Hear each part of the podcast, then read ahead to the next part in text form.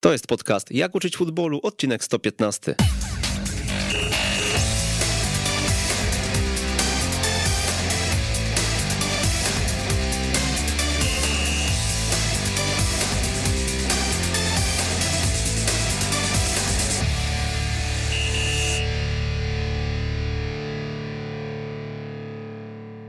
Jak uczyć futbolu, odcinek 115. Wracamy w nowym 2021 roku. Przemysław Mamczak, witam serdecznie.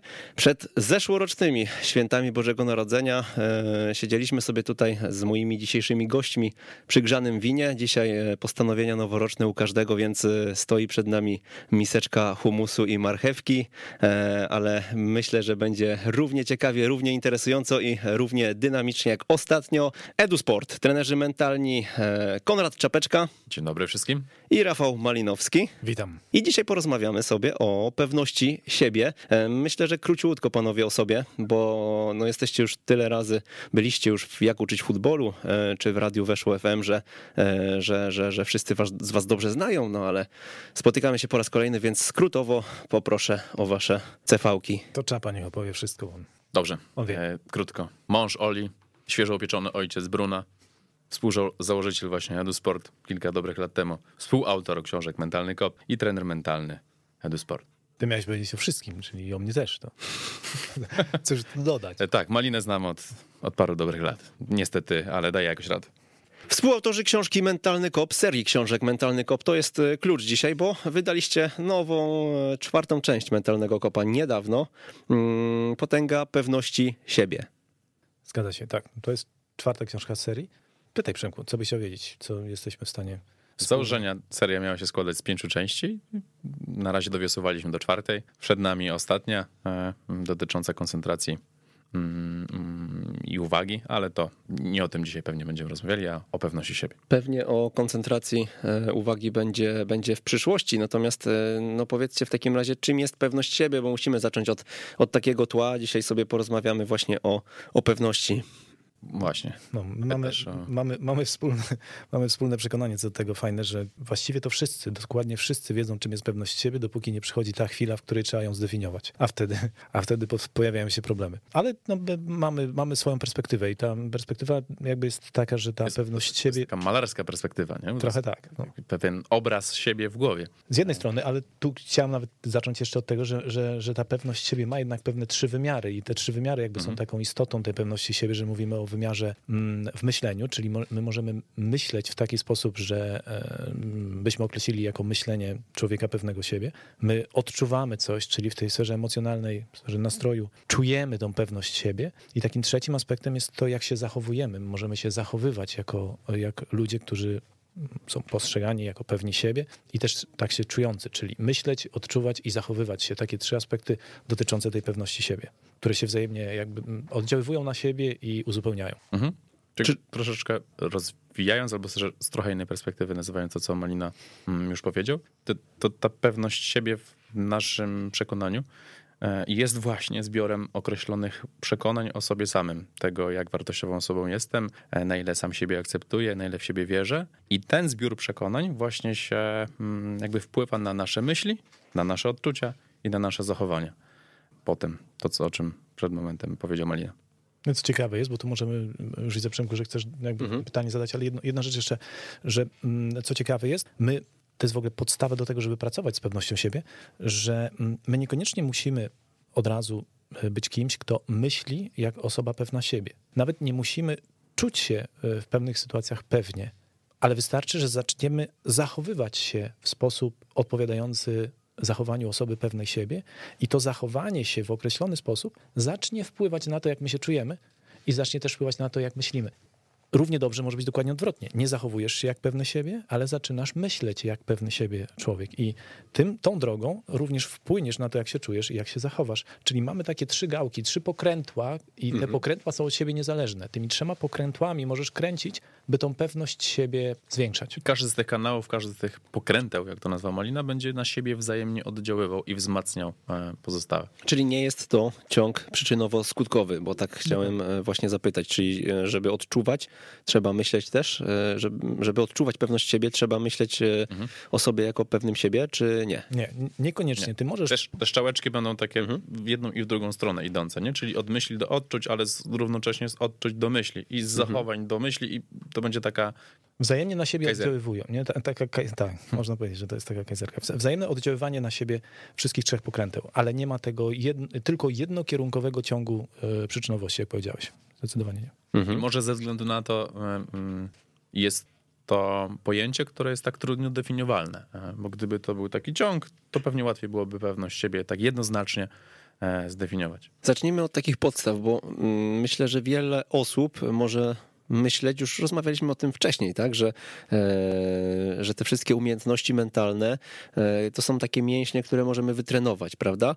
Natomiast e, no, co byście powiedzieli osobom, które mówią, nie, no z pewnością to się rodzisz i albo jesteś pewny, albo jesteś niepewny po prostu i, i brakuje ci tej pewności siebie. Ja bym powiedział takiej osobie, że ona ma rację i jednocześnie, że nie ma racji. E, a dlaczego? Dlatego, że, że zdecydowanie jest tak, że są pewne predyspozycje mm, decydujące o tym, nazwijmy to wrodzone, czy też uwarunkowane genetycznie. Między innymi poziom lękliwości człowieka, który wpływa na to, czy on będzie później się pewniej, czy mniej pewnie czuł w określonych sytuacjach. Czyli są pewne uwarunkowania genetyczne wpływające na to, czy ja będę bardziej, czy mniej pewnym siebie e, człowiekiem, ale to jest tylko cząsteczka całego obrazu. Drugą bardzo ważną cząsteczką to jest to, w jakim środowisku ja wyrastam jako człowiek, w jakim środowisku wyrastam, na ile e, moje, ten okres cały dzieciństwa jest ukształtowany w taki sposób, że ja dostaję bodźce z otoczenia mojego najbliższego, które dają mi odczucie, że ja się rozwijam jako człowiek, e, który jest samodzielny. Jestem wartościową i, osobą. No? I, I, wartościowy właśnie. Przez to,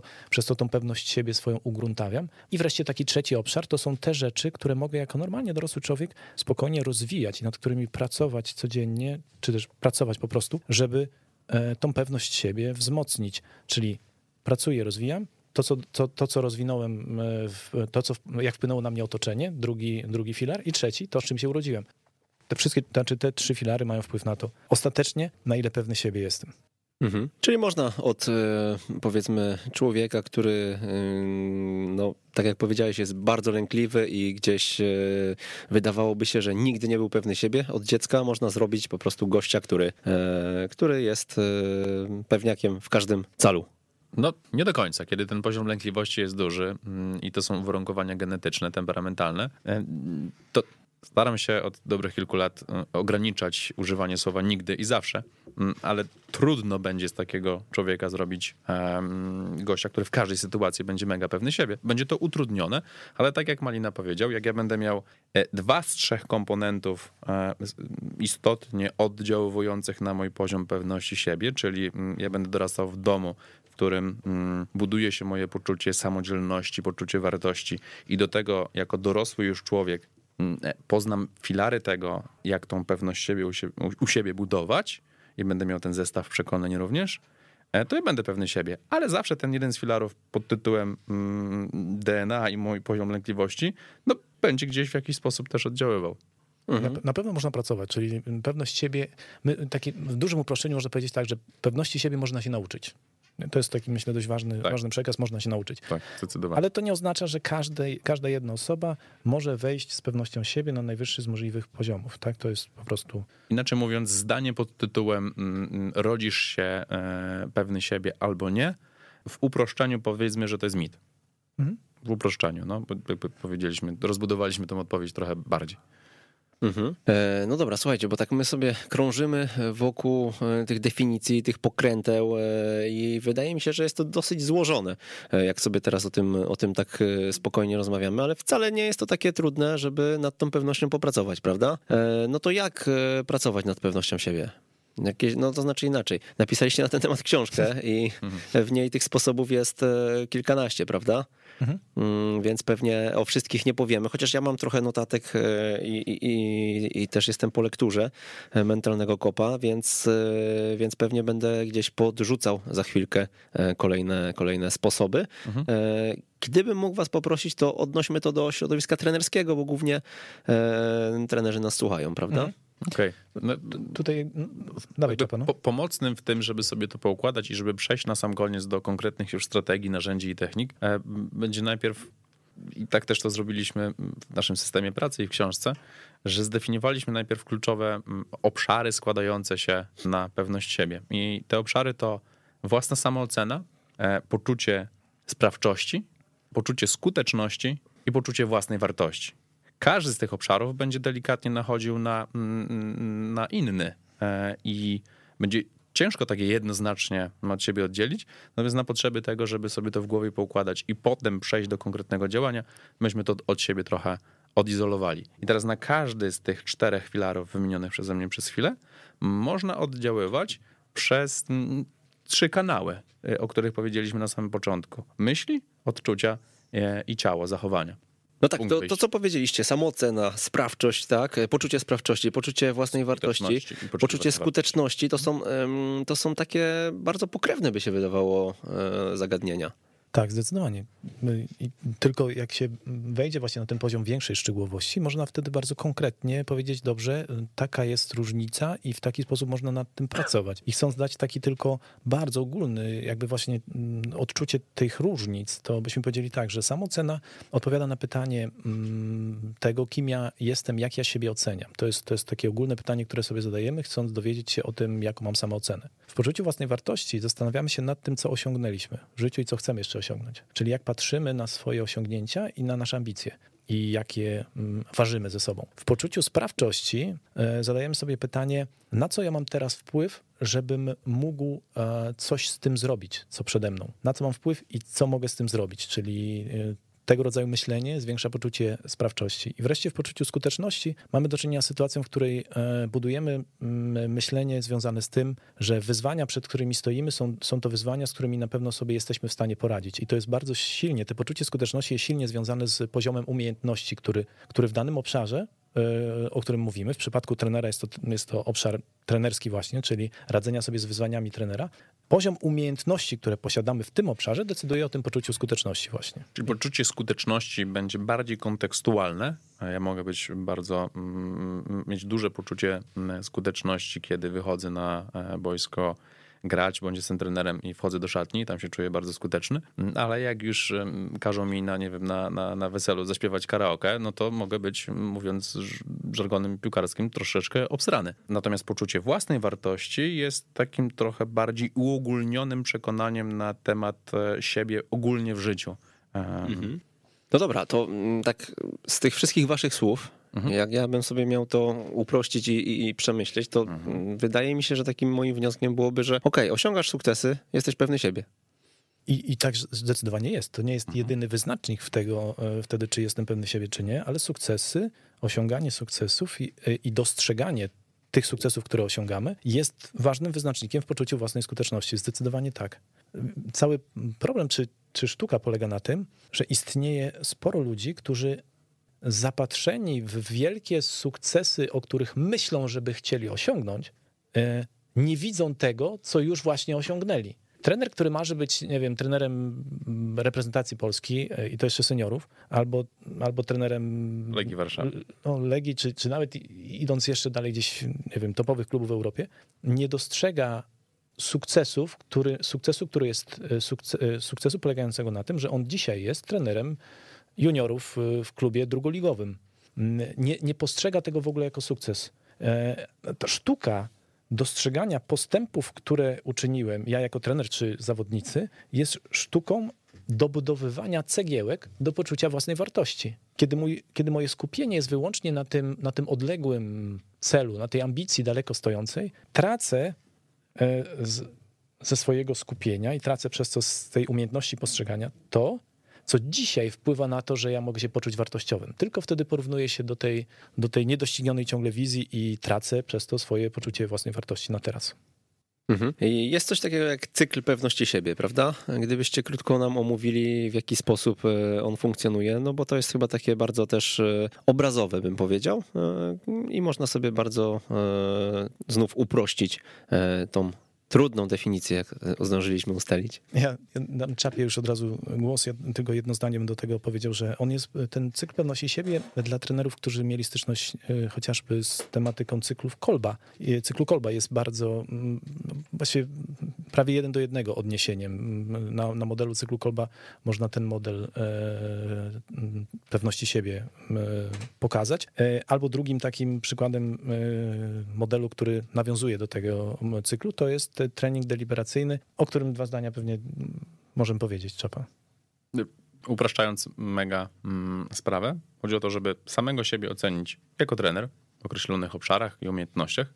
Z tej oceny wynikają mi jakieś priorytety, jakieś wnioski. Ja sobie na bazie tego wyznaczam w takim razie jakieś, jakiegoś rodzaju mm, cele, działania konkretnego. Potem przechodzę do działania po, dajmy na to, nie wiem, jakiejś odprawie, albo prowadzeniu jakiegoś meczu, albo całym mikrocyklu. Przechodzę do analizy, refleksji, wyciągnięcia wniosków, a potem w następnym mikrocyklu wdrażam w praktykę mm, już te wnioski i, i, i, te refleksje, które wyciągnąłem. Jestem permanentnie w takim procesie. Za, mm, nie wiem, po rundzie znowu się oceniam w tych samych umiejętnościach, w tych samych obszarach, e, mm, wyznaczam sobie priorytety, wchodzę w trening, robię refleksję i podsumowanie i wdrażam z powrotem, przechodzę do działania z powrotem, tylko już w oparciu o te wnioski. Jestem permanentnie w takim procesie. E, I jest to jakby ten sposób podejścia, e, fachowo właśnie nazwany treningiem deliberacyjnym. Erikson, tak? Go się mhm. nazywał Erikson. Nauko taki naukowiec, który poświęcił 40 lat swojego życia e, temu zagadnieniu jak stać się mistrzem w określonej dziedzinie. No i się okazało, że, że właśnie dla mistrzów różnych, nie tylko sportu, również e, muzyki, sztuki, e, takim wspólnym mianownikiem było to, że oni permanentnie byli właśnie w takim procesie, który Erikson nazwał treningiem deliberacyjnym. Mhm. I ten, ten trening, jedno, jedno zdanie szybko, e, ten trening jakby zdecydowanie jakby zmusza do refleksji, zmusza do tego, żeby w tej ocenie siebie i wyciąganiu wniosków dokonywać postępu w tym, co robimy i też zauważać ten postęp. A zauważenie własnego postępu bardzo wzmacnia poczucie skuteczności. Mhm. Wzmacnia poczucie skuteczności, które jest tym jednym z filarów pewności siebie, więc stąd, stąd to powiązanie. Mhm. To powiedzcie jeszcze, powiedzieliście, że trener powinien na początku się ocenić. Jak ma się trener ocenić? No, no bo mm, nawet y, myślę, jeżeli, my, jeżeli sobie pomyślimy o piłkarzu, o zawodniku, no to jest y, dużo prościej e, stworzyć taki arkusz, ok, technika, e, przygotowanie fizyczne, prawda, to można łatwo wyizolować, w jakiś sposób e, rozumienie gry, są jakieś testy sprawnościowe, no można tutaj temu piłkarzowi dużo, dużo takich tematów zarzucić, a jak byście to dopasowali do trenerów? My na ten moment, jakby skupiając się w naszej książce na narzędziu dla zawodników, nie przygotowaliśmy takiego formularza dla, dla trenerów e, ogólnodostępnego. Natomiast jest, to, jest to obszar pracy między innymi w Stali, e, gdzie wspólnie, wspólnie z trenerami, z koordynatorami, mm, z dyrektorem wypracowany został e, arkusz, który ocenia, mm, pomaga się oceniać trenerom e, i jakby główne jego założenia są takie, że, że taki podział klasyczny mm, w tej ocenie to jest podział na dwa takie kluczowe obszary. To jest obszar kompetencji twardych, rozumienia gry organizacyjnych, kompetencji związanych z organizacją treningu i drugi obszar to jest obszar tych kompetencji miękkich, już związanych z umiejętnością słuchania zawodników, zadawania pytań, tymi umiejętnościami, które decydują później o skuteczności takiej menedżerskiej e, trenera. Tutaj dodajmy, że to jest takie narzędzie, nad którym od kilku miesięcy e, pracują mm, Stali Rzeszów. My tam mamy okazję jakąś cegiełkę swoją e, dorzucić właśnie w tym obszarze kompetencji miękkich. Mm, myślę, że stosunkowo niedługo ujrzy, ujrzy też światło, światło dzienne, przynajmniej wewnątrz organizacji.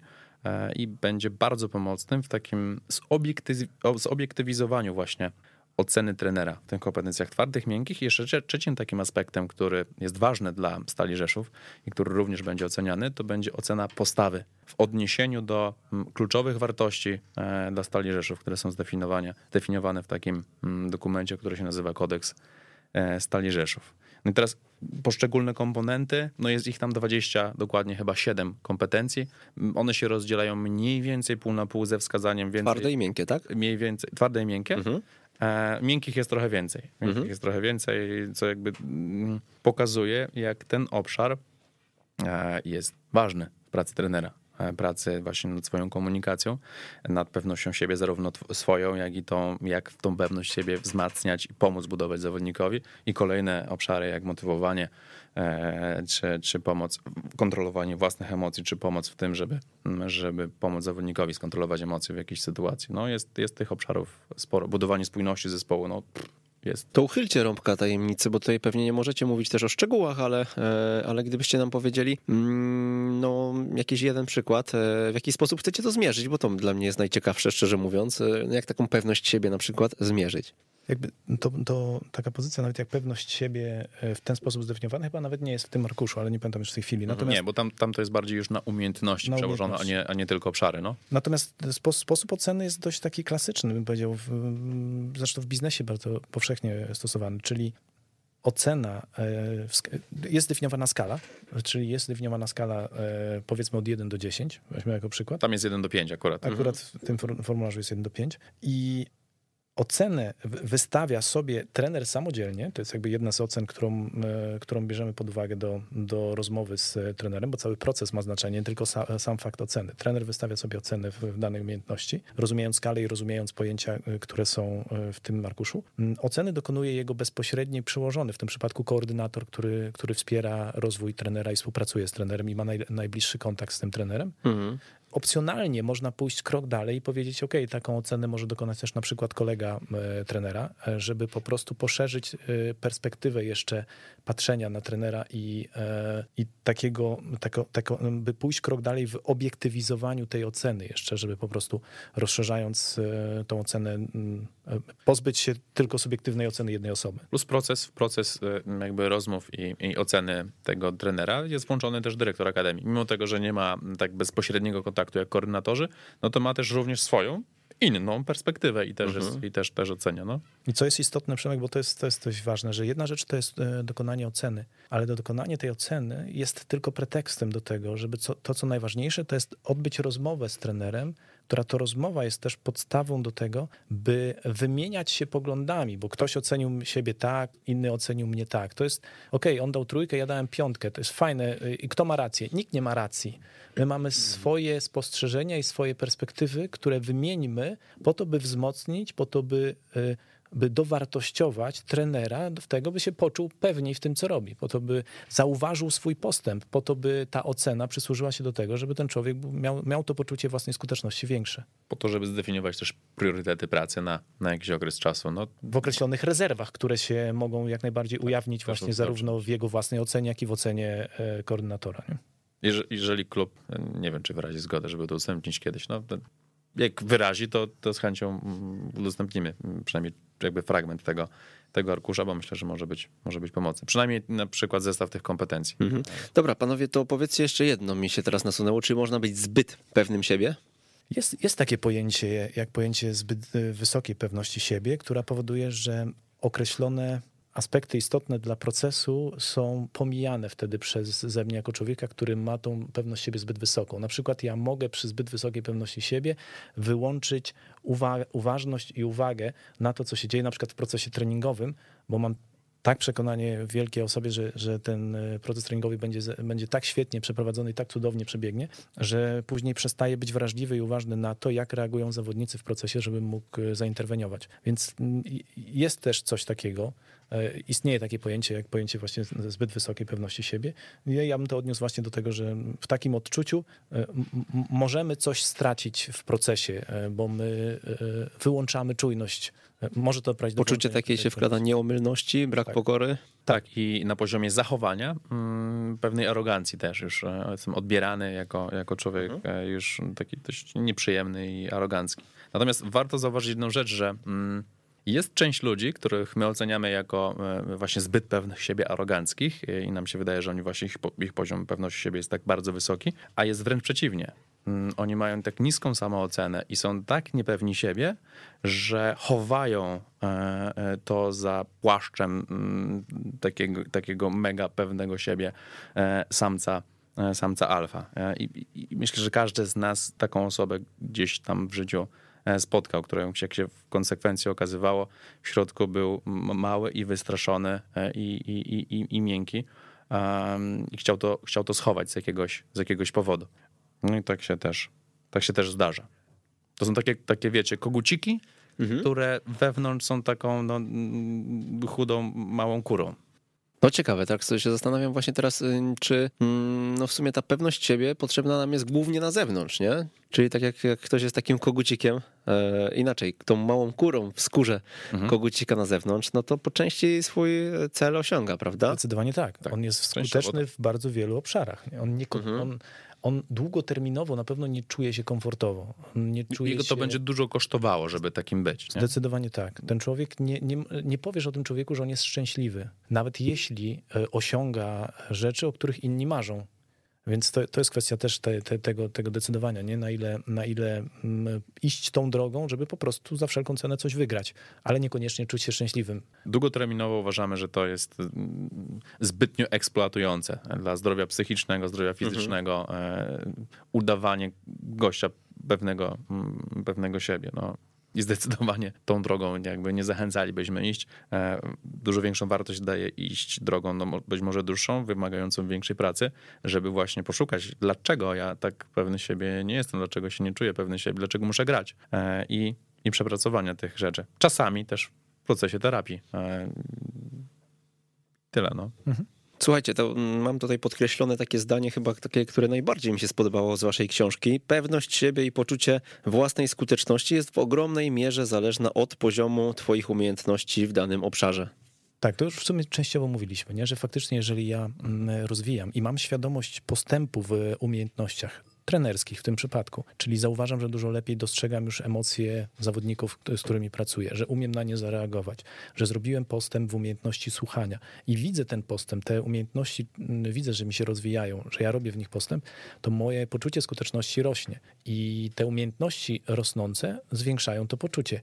Ale gdybym w tym samym czasie chwilę później był poproszony o to, żeby na wielkiej gali e, mistrzów sportu zaśpiewać piosenkę, to ze względu na brak umiejętności śpiewu i, i to jeszcze może łowcem opero, operowym byłbym poproszony, mhm. po prostu tej pewności siebie mi tam zabraknie zdecydowanie, bo nie mam, nie mam umiejętności, których mogę chwycić, które mogę chwycić w tym, w tym zakresie, chociaż znajdą się, mogą się znaleźć i się znajdują na świecie y, ci, y, którzy tej pewności nie mają, a jednak wyjdą na tą scenę i zaśpiewają. I dźwigną. Jedno słowo bym dodał do tego, co powiedziałeś, że to nie jest wyłącznie jakby element... Mm poziomu Twoich umiejętności, czyli poziom pewności siebie nie zależy wyłącznie od poziomu Twoich umiejętności, ale zależy od postrzegania poziomu umiejętności. Twojego, bardzo, twoje, twojego postrzegania. Twojego, postrzegania. Siebie, tak jest. Bo ja znam no. bardzo wielu ludzi, którzy mają bardzo niskie umiejętności i w związku z tym, że jakby ich, ich samoświadomość w tym zakresie, że te umiejętności są niskie, jest niska, im się wydaje, że one są bardzo wysokie, i w konsekwencji oni się czują bardzo pewni siebie, bo uważają swoje umiejętności za wysokie. I, One są i, niskie. I odwrotnie też, czyli są tacy, którzy mają bardzo wysokie umiejętności, ale w ogóle nie zauważają, nie postrzegają tych umiejętności jako wysokie i wtedy czują się niepewnie. Zresztą to zjawisko zostało bardzo dobrze zbadane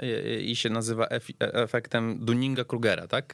Poprawcie mnie, jeżeli się, jeżeli się mylę. Mhm. E... To chyba przy, przy pandemii wyszło e, bardzo tak, dobrze tak. E, i zostało uwypuklone w społeczeństwie. Tak, tak, tak. Sami, sami, sami, sami mieliśmy okazję tego doświadczać w, naszych, w naszej roli trenerów mentalnych. No, nam się kilka lat temu wydawało, że no, my naprawdę bardzo dużo wiemy. Byliśmy do bardzo wielu rzeczy bardzo przekonani.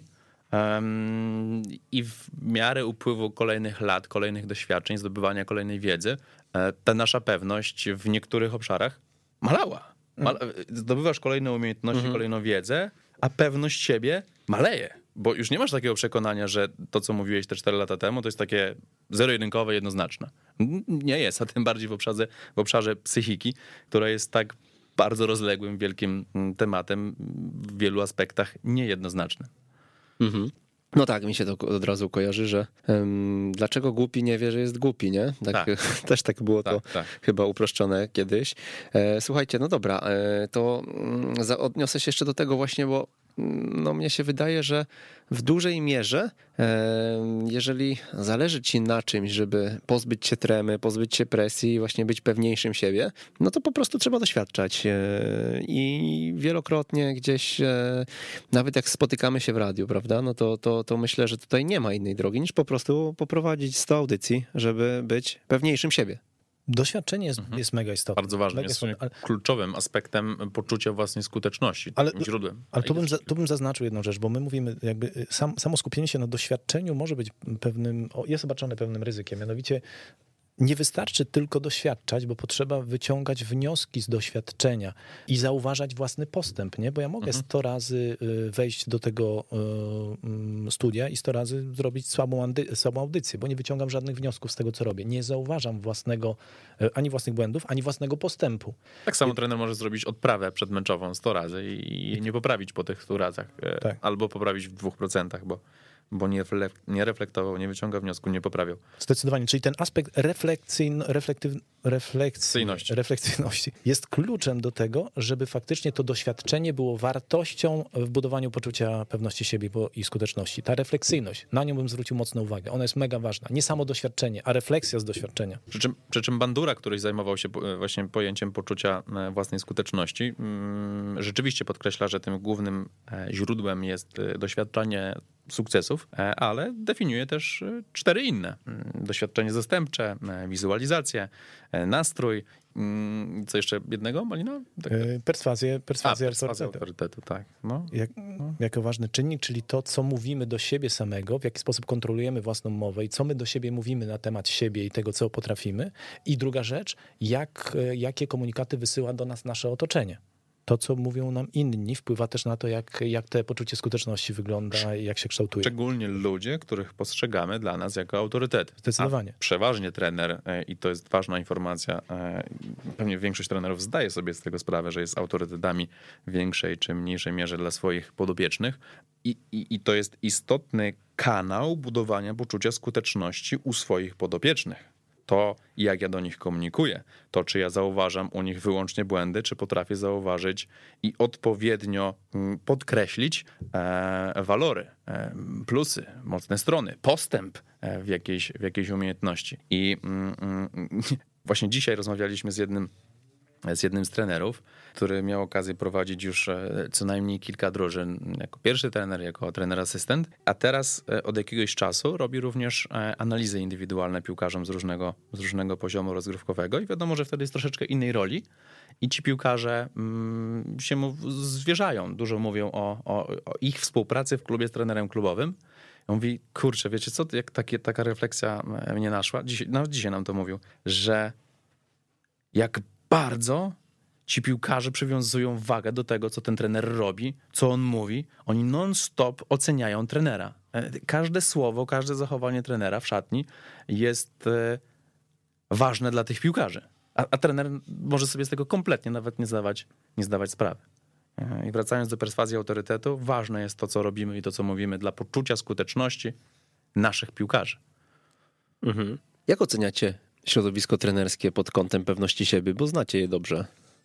Znaczy, my, my, w środowisku mm, głównie, głównie rzeszowskim, plus to, co mamy okazję się spotkać, wtedy te spotkania są zbyt krótkie, może żeby wyciągać jakieś dalej idące wnioski, ale no, zauważamy, mm, że jest z perspektywy zachowań, trenerzy mm, prezentują zachowania, które by wskazywały na to, że są bardzo pewni siebie. Ale jednocześnie też zauważamy, że jest, jest spora grupa trenerów, którzy właśnie prezentują te zachowania, ale w środku jednak nie czują się pewnie. To poczucie własnej wartości jest, e, nie jest na, na zdrowym poziomie, na na takim, który, który, w którym ta spójność zachowań i odczuć jest, jest wysoka. Czyli jest, jest spora ilość trenerów, którzy swoimi zachowaniami pokazują pewność siebie, ale do końca się pewni w środku nie czują. I, I, jest też spora grupa, to są z kolei właśnie ci, z którymi my mamy przyjemność e, i możliwość pracować, którzy dostrzegają to i, i pracują nad tym.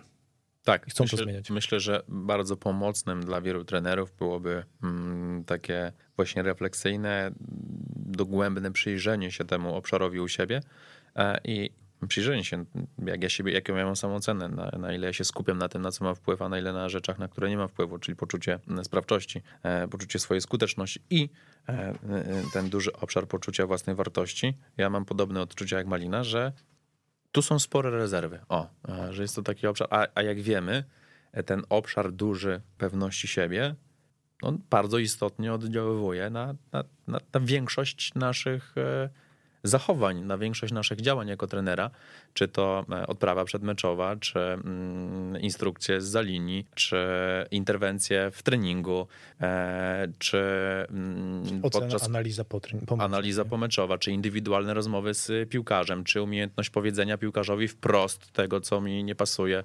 E, to jest główny zarzut generalnie piłkarzy do, do trenerów, tak jak mamy okazję też pracować z wieloma piłkarzami, to głównym zarzutem piłkarzy do trenerów jest to, że nie potrafią im wprost nazwać, czego od nich oczekują, albo co się im nie podoba e, u tego piłkarza w jego zachowaniach, w jego grze, tylko tak lawirują, trochę tak, e, wiesz, trener ze zdrowym poczuciem własnej wartości i potrafiący komunikować, powinien umieć to nazwać. A jakby ilość tych komunikatów i tych informacji od piłkarzy, że u trenerów to nie działa, każe sądzić, że właśnie ten obszar pewności siebie i poczucia własnej wartości jest takim do, do przepracowania. No. Powiedzcie mi, z czego wynika to, że przyjeżdża na konferencję e, trener, przyjeżdża na konferencję prelegent, e, którego pewnie spotyka raz w życiu albo ma szansę posłuchać go na żywo e, właśnie ten jeden raz. No i nurtuje tego trenera wielokrotnie pytanie jakieś, jakieś, które chciałby zadać, ale go nie zadaje, mimo że jest na to przestrzeń, organizatorzy konferencji ją tworzą. No i tych pytań zazwyczaj jest niewiele. Z czego to wynika? Czy to właśnie jest brak pewności siebie, żeby gdzieś w tłumie podnieść rękę, wziąć mikrofon i powiedzieć, co to jest periodyzacja taktyczna na przykład e, na głos?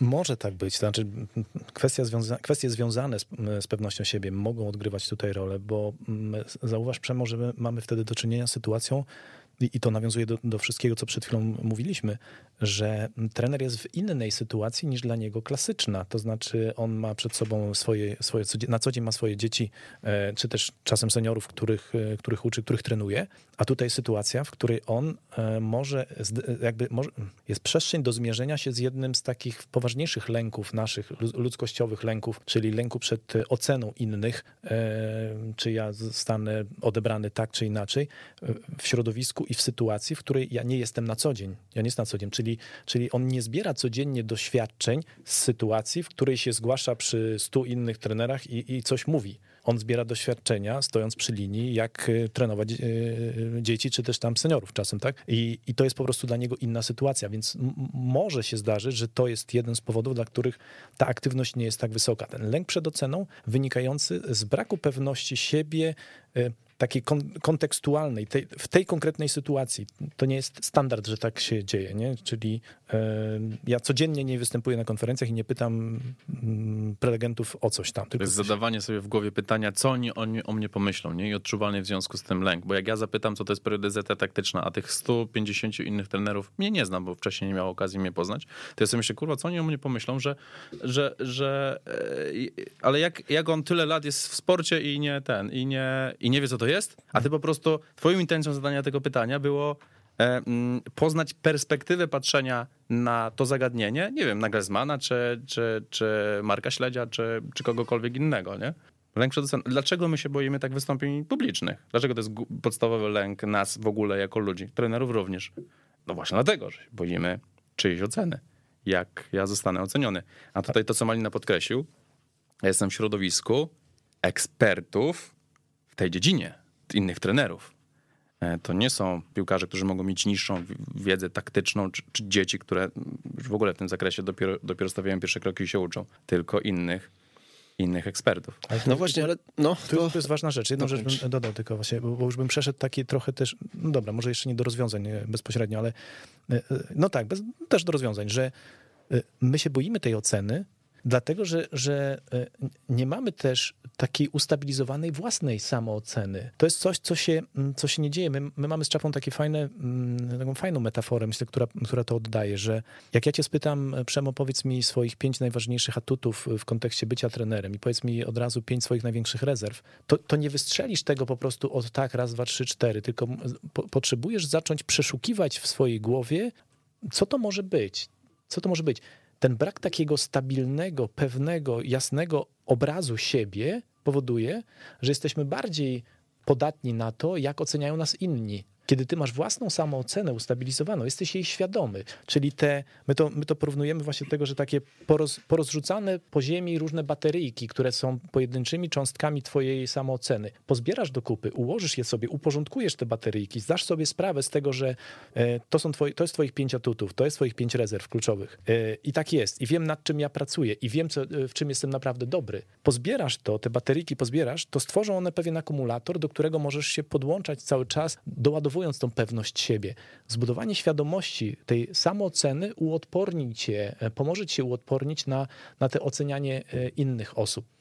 I tym samym możesz być odważniejszy w takich sytuacjach, czyli zapytać właśnie tego prelegenta. I tutaj nawiązując do tego, co powiedział Malina mm, i twojego pytania na samym początku o jakieś konkretne strategie, to tu jest właśnie mm, narzędzie, którym nazwaliśmy Wielka Piątka. Czy jak ty sobie już poukładasz te bateryjki i zdefiniujesz tych takich swoich pięć najmocniejszych stron, swoich atutów, to kolejnym krokiem, który możesz zrobić dla upraktycznienia tego jeszcze, to jest przyporządkowanie każdej z tych silnych stron jakiegoś e, symbolu tym symbolem może być jakiś twój idol, nie wiem, Pep Guardiola w kontekście, mm, nie wiem, e, rozumienia e, gry. To może być jakiś superbohater, to może być jakikolwiek inny symbol, który ci się mocno kojarzy z mm, tą twoją mocną stroną. I kolejnym krokiem jest zrobienie sobie takiego kolażu z tych, z tych pięciu symboli, z tych pięciu zdjęć, które sobie znajdziesz, czy poprosisz jakiegoś znajomego grafika, żeby ci to ładnie zrobił, czy narysował nawet. To już wszystko jedno. Ważne, żeby to było na tyle estetyczne, żeby mm, kiedy będziesz na to patrzył, to od razu ci się to będzie kojarzyło z twoimi pięcioma silnymi stronami i mm, powodowało, że ty będziesz się czuł pewniejszy. No bo kiedy ja postrzegam siebie przez pryzmat mocny, mocnych stron, no to odczuciu potem jestem pewniejszy i z większą pewnością będę się zachowywał bo za chwilę mam robić odprawę, czy za chwilę mam konferencję, na której chciałbym się zgłosić i wtedy będzie mi troszeczkę łatwiej, jak będę na siebie patrzył przez pryzmat mocnych stron, a nie tego, w czym jestem słaby i czego, czego nie wiem, czego nie umiem. To jest ważne, wiesz co, to jest ważne, bo, bo przecież tu nie chodzi o to, żebyś ty teraz zaklinał rzeczywistość i żebyś pomyślał sobie, że ja jestem tak genialny, że ja nie mam w ogóle żadnych słabych stron.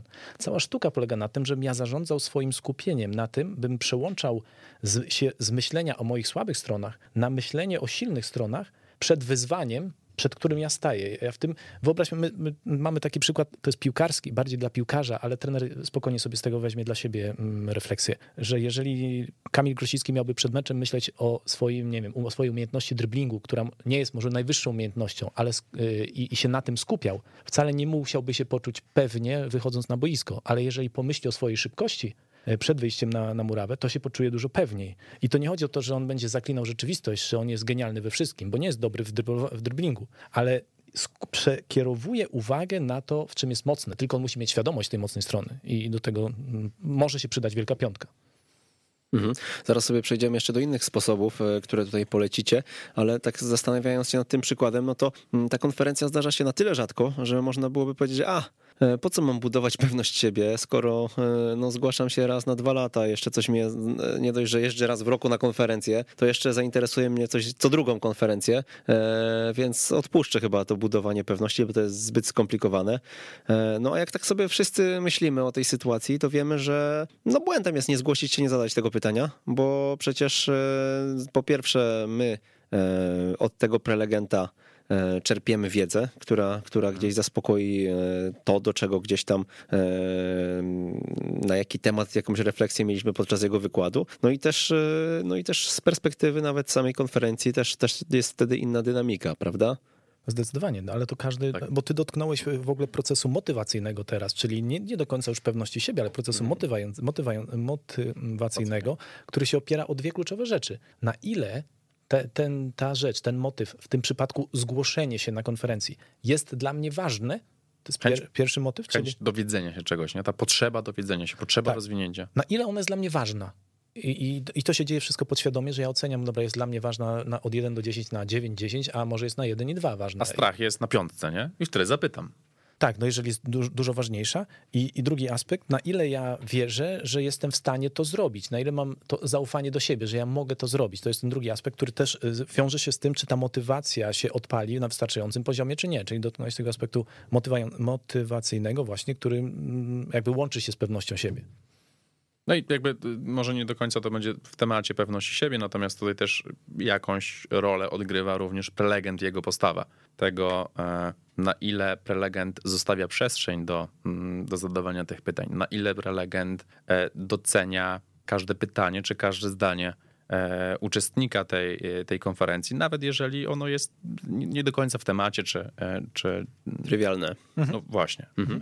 No dobra, to jeszcze zapytam was tak trochę prywaty tutaj, chociaż rozmawialiśmy chwilę o tym przed audycją. E, organizujemy co miesiąc szkolenie online w ramach Szkoły Trenerów Online i tam mamy część warsztatową, w której na 50-70 uczestników udział bierze zazwyczaj jakieś 10%, nie? Czyli no jest tam 7-10 ludzi, którzy włączają się do dyskusji, pojawiają się online i są w stanie przed wszystkimi przekazać swoją pracę. E, jak gdzieś o, inaczej. Ja nie jestem oczywiście pewny, że tu chodzi o pewność siebie, natomiast mhm. E, może mi się wydawać, że brakuje e, właśnie tak jak mówicie, mm, trochę pewności siebie, trochę e, jest obawa przed tą oceną innych, że być może ja to, tą analizę zrobię jednak na, na niższym poziomie, a całe założenie tej szkoły, całe założenie tego cyklu szkoleń to jest doświadczanie.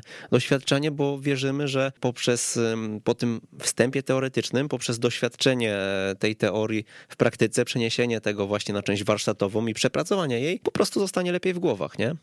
No zauważmy, że to jest problem generalnie większości ludzi, większości szkoleń, większości książek, że my lubimy być takim biernym odbiorcą poszerzania swojej wiedzy, bo to jest przyjemne, bo daje nam, szczególnie jak dla kogoś ważny jest, ważna jest wartość rozwoju, to to jest przyjemne, bo my realizujemy swoją potrzebę słuchając e, mądrzejszych od siebie, czytając, będąc na konferencji, na szkoleniu online, a umówmy się, że niewielu ludzi ma mm, tą determinację, odwagę, dyscyplinę, pewność, motywację do tego, żeby przejść e, do bycia zbiernego na aktywnym uczestnikiem e, zdobywania tej wiedzy. I, i jakby, nie wiem, nie zmienimy tego jakoś bardzo. No ten, ten procent, że tych osób aktywnie mm, mających tą odwagę, motywację do tego, żeby aktywnie brać udział w tym procesie, żeby jak się, jak się coś zaczyna robić w jakimś e, obszarze e, i się jakieś postanowienia mm, bierze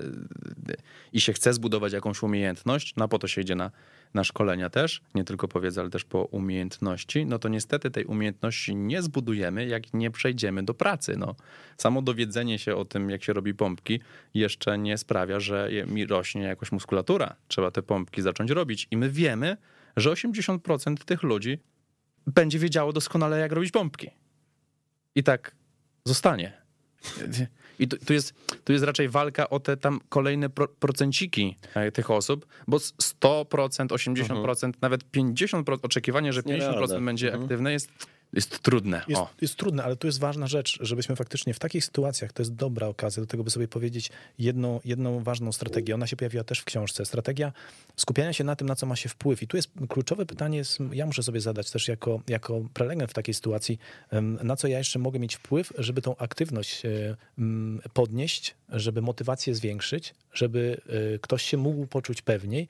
I tutaj kilka rzeczy myśmy już nazwali, ale też jednym z aspektów, o którym rozmawialiśmy przed e, wejściem do, na audycję, był był ten aspekt monitoringu takiego, takiego procesu fizjologicznego, żeby, że, że ludzie raczej będą aktywniejsi i będą mieli większą gotowość ze względu na swoje pobudzenie, poziom pobudzenia. Wtedy, kiedy zrobimy to z rana, czy też w godzinach już jakiś czas, na przykład po posiłku, niż, niż chwilę po posiłku, zaraz w południe, na przykład oczekujemy większej aktywności. Czyli fizjologia ma znaczenie na pewno, postawa samego, samych trenerów duże znaczenie ma, na, na nią też trenerzy mają wpływ, czyli to, czy doceniają, zauważają, zachęcają do wypowiadania się i to jest mega istotne i ten aspekt bardzo, bardzo trzeba pilnować, żeby ludzie czuli się bezpieczni, żeby się czuli bezpieczni, bo to poczucie bezpieczeństwa mm, będzie mm, wyłączało, czy też może włączało za dużo, ale ograniczało ten lęk przed oceną, ten lęk przed oceną, to, to poczucie bezpieczeństwa, że oni się czują tu komfortowo i bezpiecznie, że oni nie, oni nie są właśnie oceniani, że nikt nie powie, ale co to za wypowiedź, ale co, co ty w ogóle, o czym ty mówisz, tylko każde jedno zdanie jest szanowane. Mega istotny aspekt, na który my jako, jako prowadzący mamy wpływ i którego możemy pilnować, żeby aktywować e, trenerów. Nie? No, jedna rzecz jest jednoznaczna. Aktywne branie udziału we wszelkiego rodzaju szkoleniach, kursach, warsztatach, prowadzi do tego, że my dużo efektywniej, dużo więcej wyciągamy z tego, z tych pieniędzy, które zainwestowaliśmy, z tego czasu, który zainwestowaliśmy, z tej energii, którą zainwestowaliśmy. I to jest, to jest jednoznaczne tutaj szereg badań i myślę, że nasze takie nawet refleksje i doświadczenia i, i nawet na, na logikę, to iluśkrotnie zwiększa to, ile my wyciągamy z tej inwestycji, tej inwestycji czasowej, energetycznej e, i finansowej często, no bo, no bo też, też płacimy za, e, za te szkolenia. No także warto przełamywać ten, ten opór, strach, lęk przed tym, żeby, mm, żeby się zaangażować. I potem zazwyczaj następuje takie odczucie albo ulgi, albo satysfakcji, że kurczę, no zgłosiłem się, fajnie, ja. I, i to doświadczenie, takie nawet pojedyncze, daje mi już troszeczkę większą pewność, że na kolejnym kursie, kolejnym warsztacie, kolejnej konferencji ja się zgłoszę, ja, ja zapytam. I zbieranie takich e, ziarenek doświadczeń pozytywnych w tym zakresie będzie skutkowało, że z konferencji na konferencję, z kursu na kurs będzie mi coraz łatwiej, a to zwiększa szansę, że się rozwinę, a to zwiększa szansę, że może kiedyś to ja będę stał po drugiej stronie i będę prelegentem, bo, bo, bo osiągnąłem dużo i wiem dużo i umiem dużo. Ale pamiętajmy, że to, że to jakby właśnie jest kwestia różnych potrzeb ludzi, nie? że to nie jest tak, że my się możemy spodziewać, że wszyscy będą mega aktywni, bo no, wszystkim zależy na tym, żeby zdobyć jak największą wiedzę. Część idzie tam po to, czy się pojawia po to, żeby, żeby, żeby wejść w relacje z innymi, żeby zbudować relacje i to mhm. jest dla nich ważniejszy cel, niż to, żeby wyciągnąć jak najwięcej od prelegenta. Po prostu ludzie mają różne potrzeby, nie? No miejmy świadomość też tego. Zachęcamy oczywiście do aktywnego udziału. E, on na pewno e, sprawia, że, że, że i te szkolenia są e, po prostu efektywniejsze, tak jak Konrad powiedział, i wy z nich więcej wyniesiecie. Franek Szweda pyta o zawodnika lat 10. Trenuje 3 lata na treningu wyróżniający się, a na turniejach i meczach bardzo przeciętnie lub słabo. W mojej opinii brak pewności siebie. Czy i jak można pomóc? Lubię. Lubię takie pytania. Na pewno można pomóc. Na pewno można pomóc. E, wieloma różnymi oddziaływaniami, bo przecież nie znamy Franka, nie jesteśmy w stanie powiedzieć dokładnie teraz, co, co się dzieje z Frankiem. Natomiast jest, jest to dość typowa sytuacja, w której zawodnik jest zawodnikiem treningowym, a, a na meczu e, nie radzi sobie mm, z czymś właśnie, z czym sobie nie radzi. Mm, to jest, to jest pytanie. Ale trener ma tyle środków oddziaływań, wzmacnianie tej pewności siebie zawodnika, e, chociażby docenianiem jego postępów w trakcie e, treningów i perswazję słowną, czyli właśnie zauważanie tego postępu, docenianie i nazywanie tego wprost na treningu, E, żeby ten mm, chłopak czuł się coraz pewniej. Ale znowu pytanie, jak często to się dzieje dzisiaj i tak dalej, nie znamy w ogóle. Bardzo ważną rzeczą, którą trener, od której trener może zacząć i od której zachęcałbym, żeby, za, żeby zaczął, e, bo stwierdzenie, że zawodnik ma problem z pewnością siebie jest, e, no, nadal nam za bardzo nic nie mówi. I teraz zastanówmy się, w jaki sposób trener może, może mm, dowiedzieć się troszeczkę więcej, poznać źródło, czego ten zawodnik się obawia czego się boi, w jakich momentach najczęściej uruchamia się ta, e, ten, ten, ten lęk i ta pewność siebie mu diametralnie spada. Czy to w każdym meczu, czy w określonych meczach? Czy jak rodzice są na, na, e, na trybunach, czy jak ich nie ma? Poszukajmy pewnych powtarzających się wzorców i e, może nawet wprost zapytajmy, czego, czego w tych sytuacjach dzieciak się obawia. Znajdźmy taką przestrzeń. Ta, ta diagnoza, poszukanie źródła myślę, że będzie bardzo dobrym pierwszym krokiem e, w tym, żeby temu chłopcu pomóc, bo wtedy nie będziemy strzelali z Kałosznikowa, e, wiesz, wszędzie, bo może tam jest problem z tą pewnością siebie, tylko postaramy się precyzyjnie ustalić, e, gdzie to jest i, i wtedy snajpersko podejdziemy do, mm, do tematu.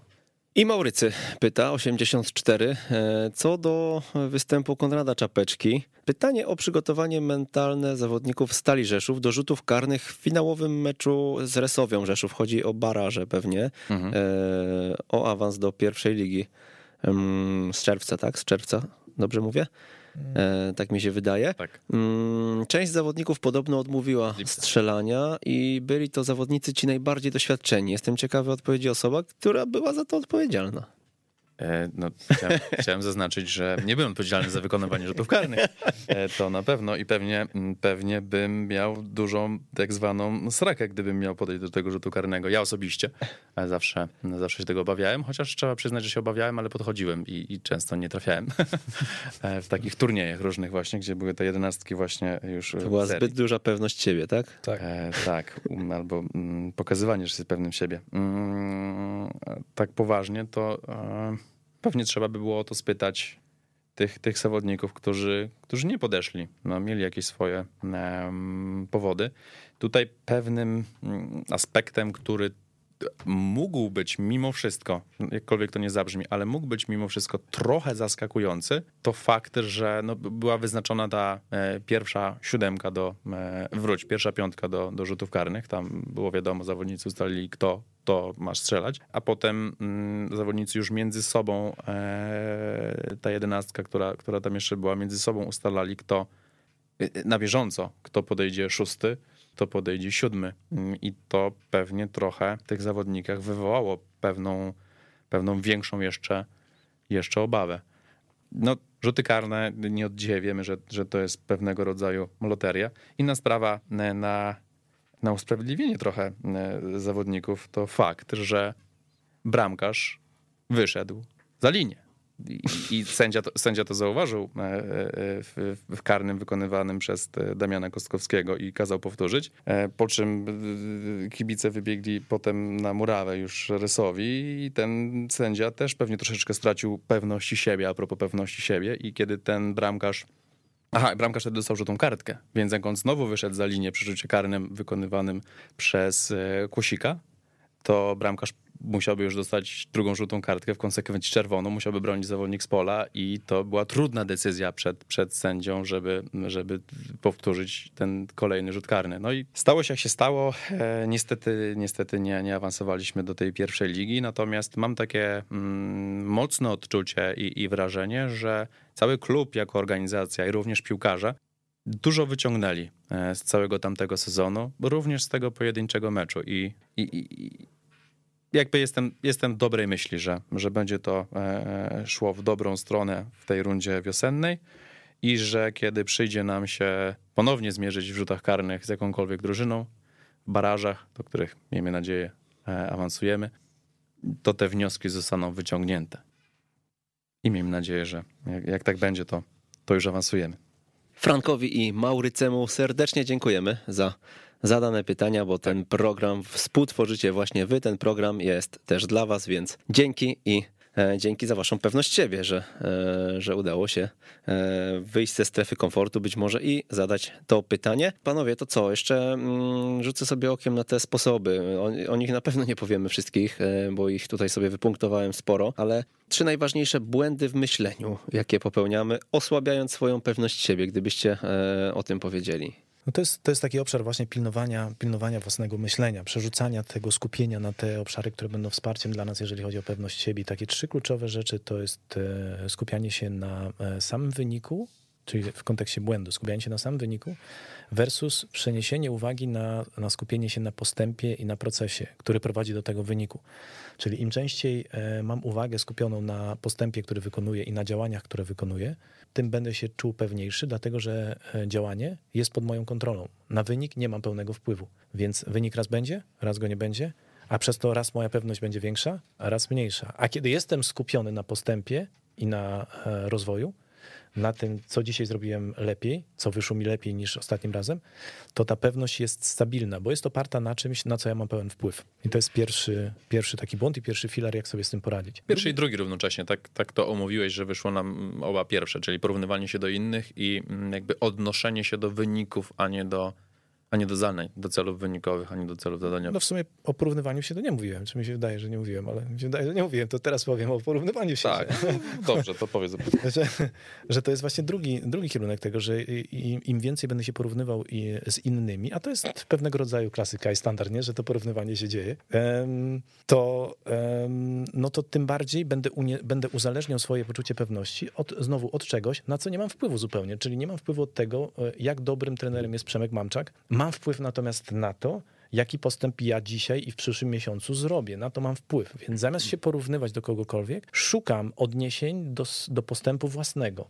Szukam odniesień do tego, co, co, co w tym miesiącu potrafiłem zrobić lepiej niż ostatnim razem. Jak lepiej zorganizowałem trening i jak lepiej dobrałem środki treningowe, niż mi wychodziło to ostatnim razem. I skupienie się na tym jest tym fundamentem, jest kolejnym z fundamentów e, stabilizujących poczucie pewności siebie, bo uniezależniającym od rzeczy, na które wpływu nie mam, czyli od, od formy Przemka Mamczaka, czy wszystkich innych trenerów, do których chcę się porównywać. No i taki, taka, takie przekonanie, taka akceptacja faktu, że jesteśmy na różnych etapach życiowych, w różnych momentach, w różnych sytuacjach e, i, i no, my widzimy tylko jakiś tam skrawek czyjegoś, e, czyjegoś życia. E, I porównywanie swojego, o którym wiemy dużo, do czyjegoś, o którym wiemy bardzo niewiele, jest, jest bezsensowny. No.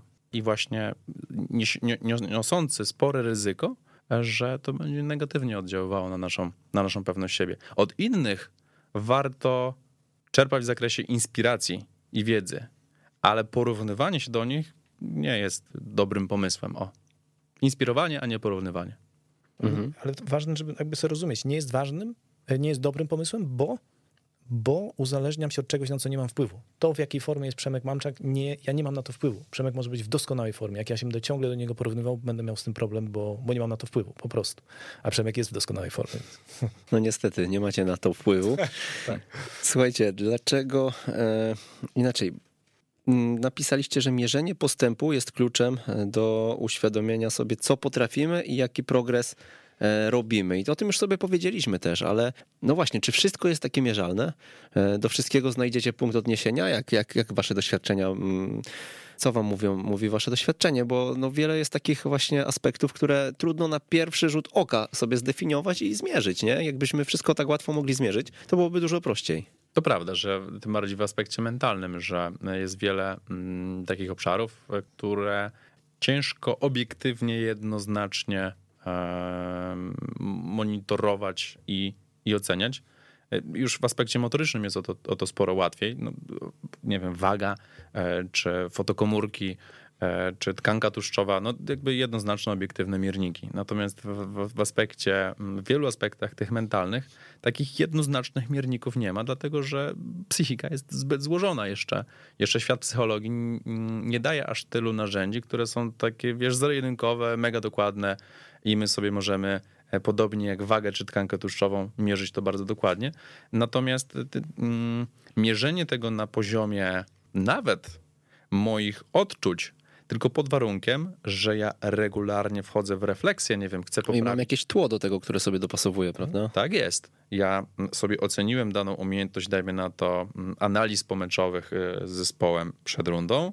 Co tydzień, kiedy tą analizę robię, ja sobie robię jakąś refleksję, wyciągam z tego wnioski i regularnie, co nie wiem, co miesiąc się w tym zakresie oceniam w jakiejś tam skali. I wtedy, nawet jeżeli to jest subiektywne, bo jest bardzo subiektywne, to Mm, to już jakieś odczucie postępu może mi dać. Druga rzecz, którą mogę zrobić, to ja mogę poprosić swojego asystenta, który na tych e, analizach pomeczowych jest i, i żeby, mm, żeby się przyglądał, przysłuchiwał i to on, żeby mnie po jakimś czasie ocenił. Trzecia rzecz, którą mogę zrobić, to nagrywać sobie takie e, swoje analizy pomeczowe i po całej rundzie oglądać sobie tą pierwszą, kiedy zaczynałem, nie wiem, e, w sierpniu, to w grudniu sobie do tego siąść i popatrzeć, kurczę blade, ja, ja, ja, ja zrobiłem naprawdę postęp, ja może go nie zauważałem tak z tygodnia na tydzień, ale jak sobie teraz patrzę na pół roku wstecz, to naprawdę to jest, to jest spora różnica. Ten postęp powinien być widoczny, bo on, bo on wynikł z tego procesu refleksji, z tego zastanawiania się. To nie był przypadek, nie, że ja się poprawiłem, bo teoretycznie przez pół roku można się nagrywać i przez pół roku będzie ta, ten sam, ta, ta, ta sama mierna, mierny efekt tych, tych analiz, bo nie ma tej refleksji. Wracamy do tego punktu kluczowego. Ja robię refleksję, co poszło dobrze, co nie poszło dobrze, co chcę zmienić i staram się to zmienić następnym razem. I wtedy faktycznie mogę spokojnie zauważać ten postęp, mierzyć to. Bardzo dużą wartością jest otworzenie się na ocenę przez kogoś innego. Bo e, zazwyczaj trenerzy się boją oceny e, innego członka sztabu, dyrektora, e, piłkarza.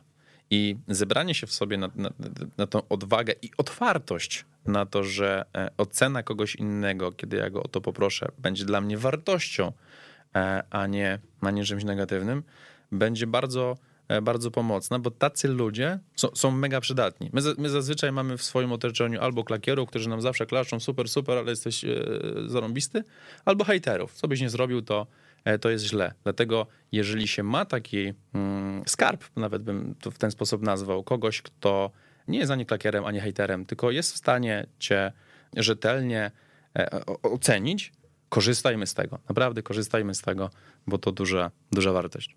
I zakończyłbym tą e, dyskusję takim zdaniem liczby pomagają w skupieniu uwagi na procesie i ułatwiają tworzenie odczucia postępu wzmacniającego pewność siebie. Wiecie skąd ten cytat wziąłem? Domyślamy się. Domyślaliśmy, że przeczytałeś książkę, tak. Słuchajcie, to jeszcze zapytam was, e, zapytam was tak, może e, wspomnijmy o prezencie, bo e, przygotowaliście trzy rozdziały, pierwsze 33 strony zdaje się, mhm. tego mentalnego kopa czwartego, Potęga pewności siebie i on jest do przeczytania, książka, ten początek książki jest do przeczytania właśnie u nas. Chyba tutaj nie wiem, czy coś chcecie dopowiedzieć do tego? Uznaliśmy, że w tych pierwszych trzech rozdziałach już będzie trochę wartości, trochę inspiracji, która być może komuś wystarczy e, i nie będzie miał potrzeby, żeby, żeby się z całością książki zapoznawać. Podsłucha sobie podcast i e, przeczyta sobie te pierwsze trzy rozdziały i, i, i to mu wystarczy. E, I to też jest ok. Dlatego, dlatego zdecydowaliśmy, że, że taki prezent będzie wartościowy. A do pobrania u was na stronie, nie? Tak jest. Y, tak jak zawsze y, ekstratrener.pl ukośnik newsletter. Tam zapisujemy się na nasz newsletter i wszystkie prezenty wędrują do was y, pocztą. Jeżeli jeszcze nie zapisaliście się, to tam po zapisie będziecie mieć dostęp właśnie do wszystkich prezentów, włącznie z tym początkiem mentalnego kopa, a jeżeli jesteście na naszej liście, to otrzymacie maila z linkiem bezpośrednim niebawem, tuż po tej audycji. No dobra, no to, to chyba tyle z tej strony prezentowej, a jeszcze, mm, jeszcze chodziło mi po głowie pytanie właśnie o, e, o błędach sobie powiedzieliśmy, o tych sposobach też, natomiast... Gabinet chwały, karta mocy, tak? Wielka piątka. No, ale to już są takie bardzo, bardzo mm, konkretne rzeczy, o których pewnie byśmy mogli rozmawiać dzisiaj, e, dzisiaj bardzo długo. Tak. E, to powiedzcie jeszcze... Nie chcę przejść do tej ostatniej części, chociaż wiem, że jesteście też przygotowani i, i za chwilkę na pewno, na chwil, za chwilkę sobie o tym jeszcze powiemy. Natomiast Kolejna edycja książki, kolejna część książki, e, ostatnia już. E, w jakiś sposób tą historię sama podsumuje, czy, czy z waszej perspektywy, nie wiem, to będzie po prostu dalszy ciąg kariery, żeby sobie zostawić furtkę na kolejne jeszcze może e, jakieś, jakieś mentalne kopy? Nie zdradzimy tej informacji. A, a, może jeszcze nie wiecie? A to, Właśnie dlatego nie zdradzimy. Dlatego nie zdradzimy. A to fakt, że my mamy tylko jakiś tam zarys w głowie fabuły, jak się ma potoczyć ta część fabularna historii sama i Robiego. E, dokładnie nie wiemy. Będziemy kreować e, w przyszłym roku, kreować, a, a pewnie dopiero w 2022 spisywać to i, i, i książka ujrzy światło dzienne. Przynajmniej na dzień dzisiejszy są takie plany. A jak wiemy, trzeba być elastycznym w swoim planowaniu, z czego nas nauczył cały poprzedni rok. Duż... Mhm. Aczkolwiek chcielibyśmy na pewno, żeby sam, który miał określone cele, marzenia i, i, i swoje ambicje, żeby pomóc mu te cele jednak zrealizować życiowe i żeby on o tym wielkim marzeniu mm, pojawienia się na Santiago Bernabeu. Santiago Bernabeu dokładnie i zagrania tam w pierwszym składzie Realu. Może, może będziemy w stanie pomóc mu je spełnić. A może nie przypadkowo czekamy e, ten jeden rok dłużej, bo Santiago Bernabeu obecnie jest w remoncie i, i sam będzie miał okazję już na, na nowym, e, wyremontowanym Santiago Bernabeu zadebiutować w barwach królewskich. Słuchajcie, dużo też jest odnośników do e, poprzednich książek w tej. Powiedzcie, to jest taka wiedza, która się zazębia właśnie, czy e, jak myślicie w ogóle z perspektywy właśnie tych poprzednich części i tych e, audycji naszych e, poprzednich, gdzie się spotykaliśmy i rozmawialiśmy o motywacji, o kontroli emocji, to wszystko to jest jeden jakby jeden obszar, który po prostu ma gdzieś tam swoje odnogi, odnośniki? No, jakby to, to zauważamy, że jednak te, te powiązania pomiędzy tymi obszarami są bardzo silne, bardzo tak. silne. Weź, weźmy przy, przykład e, Przemek ostatniej, w ostatniej części, czyli kontroli emocji. Tam żeśmy troszkę mniej mówili, ale mówiliśmy też o, o kontroli nastroju, o, o no, nastroju, który z kolei w pewności siebie jest ważnym czynnikiem wpływającym na poczucie skuteczności własnej. Czyli my mamy silne zazębienia i te odpowiednie umiejętność odpowiedniego nastawienia się również będzie wpływała na pewność siebie, a nastawieniu poświęciliśmy całą pierwszą książkę. Umiejętność odpowiedniego stawiania celów, a przede wszystkim dzielenia ich e, na etapy, na części, będzie pomagała w zarządzaniu własnymi ambicjami, które odgrywają wielką rolę w budowaniu zdrowego poczucia własnej wartości. Czyli znowu mamy zazębienie do pewności siebie. Wszystkie te obszary bardzo mocno się przenikają. No ale szukamy sposobu na to, żeby je oddzielać, żeby móc tym jakąś zarządzać e, w procesie uczenia i rozwijania się e, w tych obszarach. Dlatego, tak. dlatego te książki, książki są, oddzielone, ale obszary są bardzo silnie zazębione. Jak ostatnio e, badania, nie pamiętam teraz czyich naukowców, pewnie amerykańskich, jak to zwykle bywa, naukowców, pokazały, że struktura kosmosu i struktura ludzkiego mózgu są bardzo podobne. I bardzo podobna jest jeszcze jedna rzecz, że my równie mało wiemy o kosmosie, co o ludzkim mózgu. I jakby, jakby połączyć te dwie sfery, to świat psychologii jest trochę jak kosmos, jest przeolbrzymim obszarem. Świat psychologii sportu byśmy już nazwali pewną galaktyką, nie? troszeczkę mniejsze niż cały kosmos. Trening mentalny, jakby jeszcze zawęzić w tej psychologii sportu, będzie pewnie planetą, a poszczególnymi kontynentami na tej planecie e, będą właśnie te obszary, jak pewność siebie, motywacja, kontrola emocji, koncentracja uwagi i inne. I my wiemy, że, że, że to w konsekwencji tak tworzy jedną planetę. Ale na potrzeby, żeby to sobie jakoś w głowie poukładać i przejść ten proces od zdobywania wiedzy po opanowywaniu umiejętności i przerzucenie tego najlepiej jeszcze na poziom nawyku, e, no po to, po to jest to podzielenie, e, po, poczankowanie. Mm, to ułatwia proces uczenia i nabywania umiejętności. A powiedzcie, czy tak przychodzi wam do głowy mm, jakieś, bo powiedzieliśmy sobie o tym, że liczby e, nam pomagają w skupieniu tej uwagi, prawda, na rozwoju i teraz e, czy są jakieś testy właśnie, które moglibyście tak szybko z rękawa nam tutaj e, rzucić, które są właśnie liczbowe i są, jesteśmy w stanie poszczególne te kontynenty w jakiś sposób sobie zdefiniować i zmierzyć? No takim, takim klasycznym narzędziem jest profil umiejętności, tak zwany profil umiejętności, czyli to jest e, plik, w której zawodnik czy też trener dokonuje tej samoceny i ewentualnie szuka innych perspektyw, czyli -hmm. oceny przełożonego, oceny kolegi, e, siebie w tych konkretnie nazwanych e, umiejętnościach i to oceny, która jest wyrażona dokładnie cyframi. Czyli ja, -hmm. ja wtedy wiem, że na przykład moja umiejętność słuchania zawodnika oceniona w e, sierpniu na 2 w skali od 1 do 5 albo od 1 do 10, w grudniu weszła na poziom 4. To jest konkretna cyfra, która pokazuje mi postęp i to Okej, okay, ale to jest po Natomiast, prostu subiektywna ocena tak, od 1 do 5 be, po prostu. To nie będzie zwalidowany test No właśnie, no bo tak. jakieś tam 20 pytań na przykład z przytoczenia różnych sytuacji, po, na których podstawie ja jestem w stanie ocenić czy A, B, C, czy D i, i z tego mi wychodzi. Nie to... znamy takiego narzędzia, nie? Mhm. Tak jak są testy, które są zwalidowane, sprawdzone od lat, m, chociażby w kontekście badania profilu osobowościowego, czy temperamentalnego, czy skali lękliwości, e, takie, takie narzędzia są. Natomiast nie, nie, ma, albo przynajmniej nie wiemy o zwalidowanym, powszechnie używanym narzędziu do tego, żeby badać e, poziom umiejętności mentalnych trenera. Wszystko przed wami zatem. Tak. E, jest obszar, jak widać, do zagospodarowania i pewnie byłoby to bardzo przydatne nie tylko w Polsce trenerom, ale pewnie też e, wielu innym osobom, a może nawet osobom na Cóż, całym robimy świecie. kolejne studia, może, może nas popchnie w świat nauki mocniej, kto to tak. wie I, i, taki test być może za ileś dziesiąt lat stworzymy. Słuchajcie, mentalny kop 4 e, opowiadaliśmy sobie tutaj nie tylko o książce, też częściowo o nią zahaczyliśmy, natomiast dużo mówiliśmy o pewności siebie. Wszystkie mentalne kopy są dostępne na ekstratrener.pl. Ukośnik sklep, co nas bardzo cieszy, bo e, zebraliśmy tam, no nie chcę powiedzieć, że wszystkie wartościowe tre dla trenerów e, tytuły książkowe, ale, ale na pewno większość i to znaczącą, e, znaczną większość, więc, więc fajnie, że, że też jesteście tam z nami. No i jeżeli kogoś zainteresowało, to, no to oczywiście odnosimy, żeby zapoznać się z całą książką, a ja was zapytam, już mało czasu mamy, ale już tak bardziej życiowo ta końcówka zawsze e, wyjeżdżamy na taką, na taką prostą poza merytorykę, a bardziej, e, a bardziej na takie rozwojowe, może trochę bardziej, może trochę bardziej życiowe tematy. E, jakie pytanie zmieniło, Konrad, twoje życie? To dobre pytanie i bardzo trudne. Hmm. Chyba, to właśnie to. chyba to pytanie zmieniło twoje życie. Chyba, chyba właśnie to zmieni moje życie. A, w tym czasie Rafał może pomyśleć też. Wiesz, myślę, że, że jestem ostatnimi czasy mocno zafascynowany mm, filozofią stoicką, o której też, do której też sporo dzisiaj nawiązywaliśmy. I takim pytaniem, które zmienia, e, nie tyle może zmieniło, co zmienia moje życie, jest pytanie, na co ja mam teraz wpływ. Ono bardzo mi pomaga e, w codziennym życiu, w tym, żeby być spokojniejszym, żeby być pewniejszym, żeby być efektywniejszym. Także e, Marek Aureliusz, Seneca, Epikret i inni stoicy, dziękuję im. Parę tysięcy lat temu coś wymyślili, napisali i e, dla mnie są bardzo pomocni na tym etapie mojego życia. To jest, to jest mega, to pytanie jest, jest przeogromne i my widzimy też jak w pracy z trenerami, ale i zawodnikami, jak gigantyczny wpływ ma to, kiedy trener czy zawodnik nabiera umiejętności posługiwania się dokładnie tym rodzajem myślenia, czyli to, zadanie sobie te, tego pytania, na co ja mam teraz wpływ, bo bardzo dużo energii, bardzo dużo czasu poświęca, poświęcają trenerzy i zawodnicy na rzeczy, na które po prostu wpływu nie mają. I bardzo często zabiera im to e, zarówno energię, motywację, jak i poczucie pewności siebie.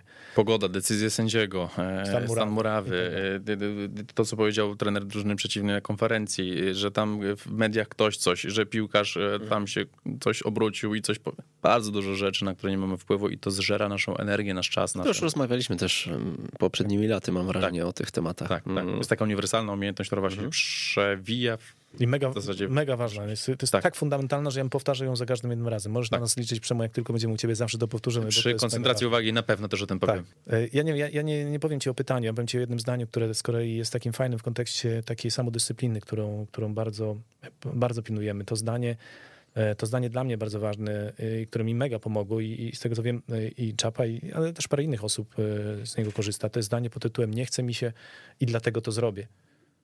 Nie chce mi się i dlatego to zrobię. I to jest zdanie, które bardzo. Mm, ono, ono aktywuje mm, takie zasoby wolicjonalne, y, mniej, mniej samomotywacji, ale właśnie mm, gotowość do zrobienia rzeczy, na które nie mamy ochoty. Więc to jest, to jest taka duża wartość, która w życiu bardzo mocno mi pomogła też. Rafał, a co ty byś powiedział sobie w wieku 18 lat? Osobie w wieku 18 lat, ale w jakim zakresie? Sobie. A, so, a sobie w wieku 18 lat. Sobie, gdybyś mógł się cofnąć w czasie teraz i powiedzieć temu 18-letniemu Rafałowi coś, to co byś mu powiedział? Dawno chyba tego pytania nie zadawałem, a mm. to jest takie trochę Timo Ferisowe, nie? Pytanie. Tak. Tak.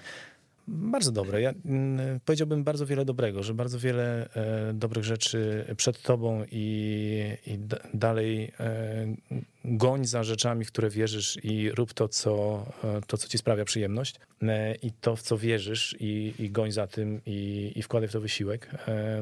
Ale z perspektywy czasu, jak patrzę, to na pewno mm, zwróciłbym uwagę na pracę nad radzeniem sobie z lękiem właśnie, który często mi odbierał e, gotowość do zrobienia pewnych rzeczy właśnie ze względu na to, że nie byłem gotowy, bo się bałem.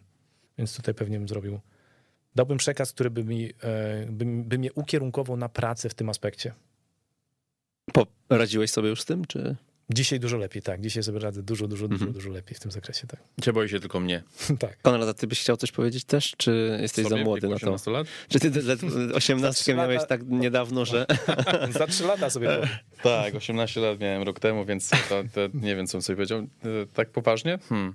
Myślę, że niewiele by się to różniło od tego, co, co Malina by sobie powiedział w wieku 18 lat. Mianowicie tego, żeby pilnować, odnaleźć, szukać, szukać cały czas i kiedy już się znajdzie, pilnować wartości, które są dla mnie e, w życiu ważne. Pilnować, żeby, żeby żyć tymi wartościami, żeby być spójnym z tym, w co wierzę w swoich działaniach, żeby, żeby się nie poddawać i e, nie rezygnować ze swoich marzeń. Nawet jeżeli one w jakimś wydaniu stają się już niemożliwe, tak jak stały się właśnie po wieku 18 lat w kontekście piłki nożnej moje, moje marzenia, e, to, to, to, to to żeby szukać kolejnych, może je trochę przekonwertować. Jak chciałem grać w Realu Madryt, wiem, że nie zagram, to może tam kiedyś będę pracował. Takie marzenie duże, odległe.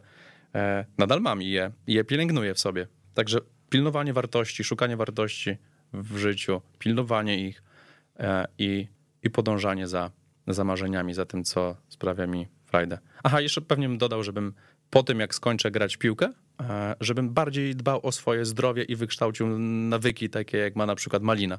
E, tak, założyłem, że jak przestałem grać, to dopóki miałem cel pod tytułem tam bieganie maratonów, to jeszcze jakoś fizycznie się dobrze czułem, dobrze wyglądałem, a jak już te maratony przebiegłem, e, zaliczyłem, tak ta moja forma może nie tak nagle, ale tak z roku na rok właśnie spada. I teraz efektem tego jest, jest nadmiar kilku kilogramów. Noworoczne postanowienia. E, tak, pewnie to, to mi się przyda na, na ten rok, żeby bardziej o siebie dbać, o, o odpoczynek, o regenerację, o sen, o, o, o jedzenie, e, to też bym powiedział swojemu mm, sobie w wieku 18 lat, że jak zawiesisz buty na kołku, to skup się na wykształceniu nawyków, które będą pomagały ci dbać o swoje ciało.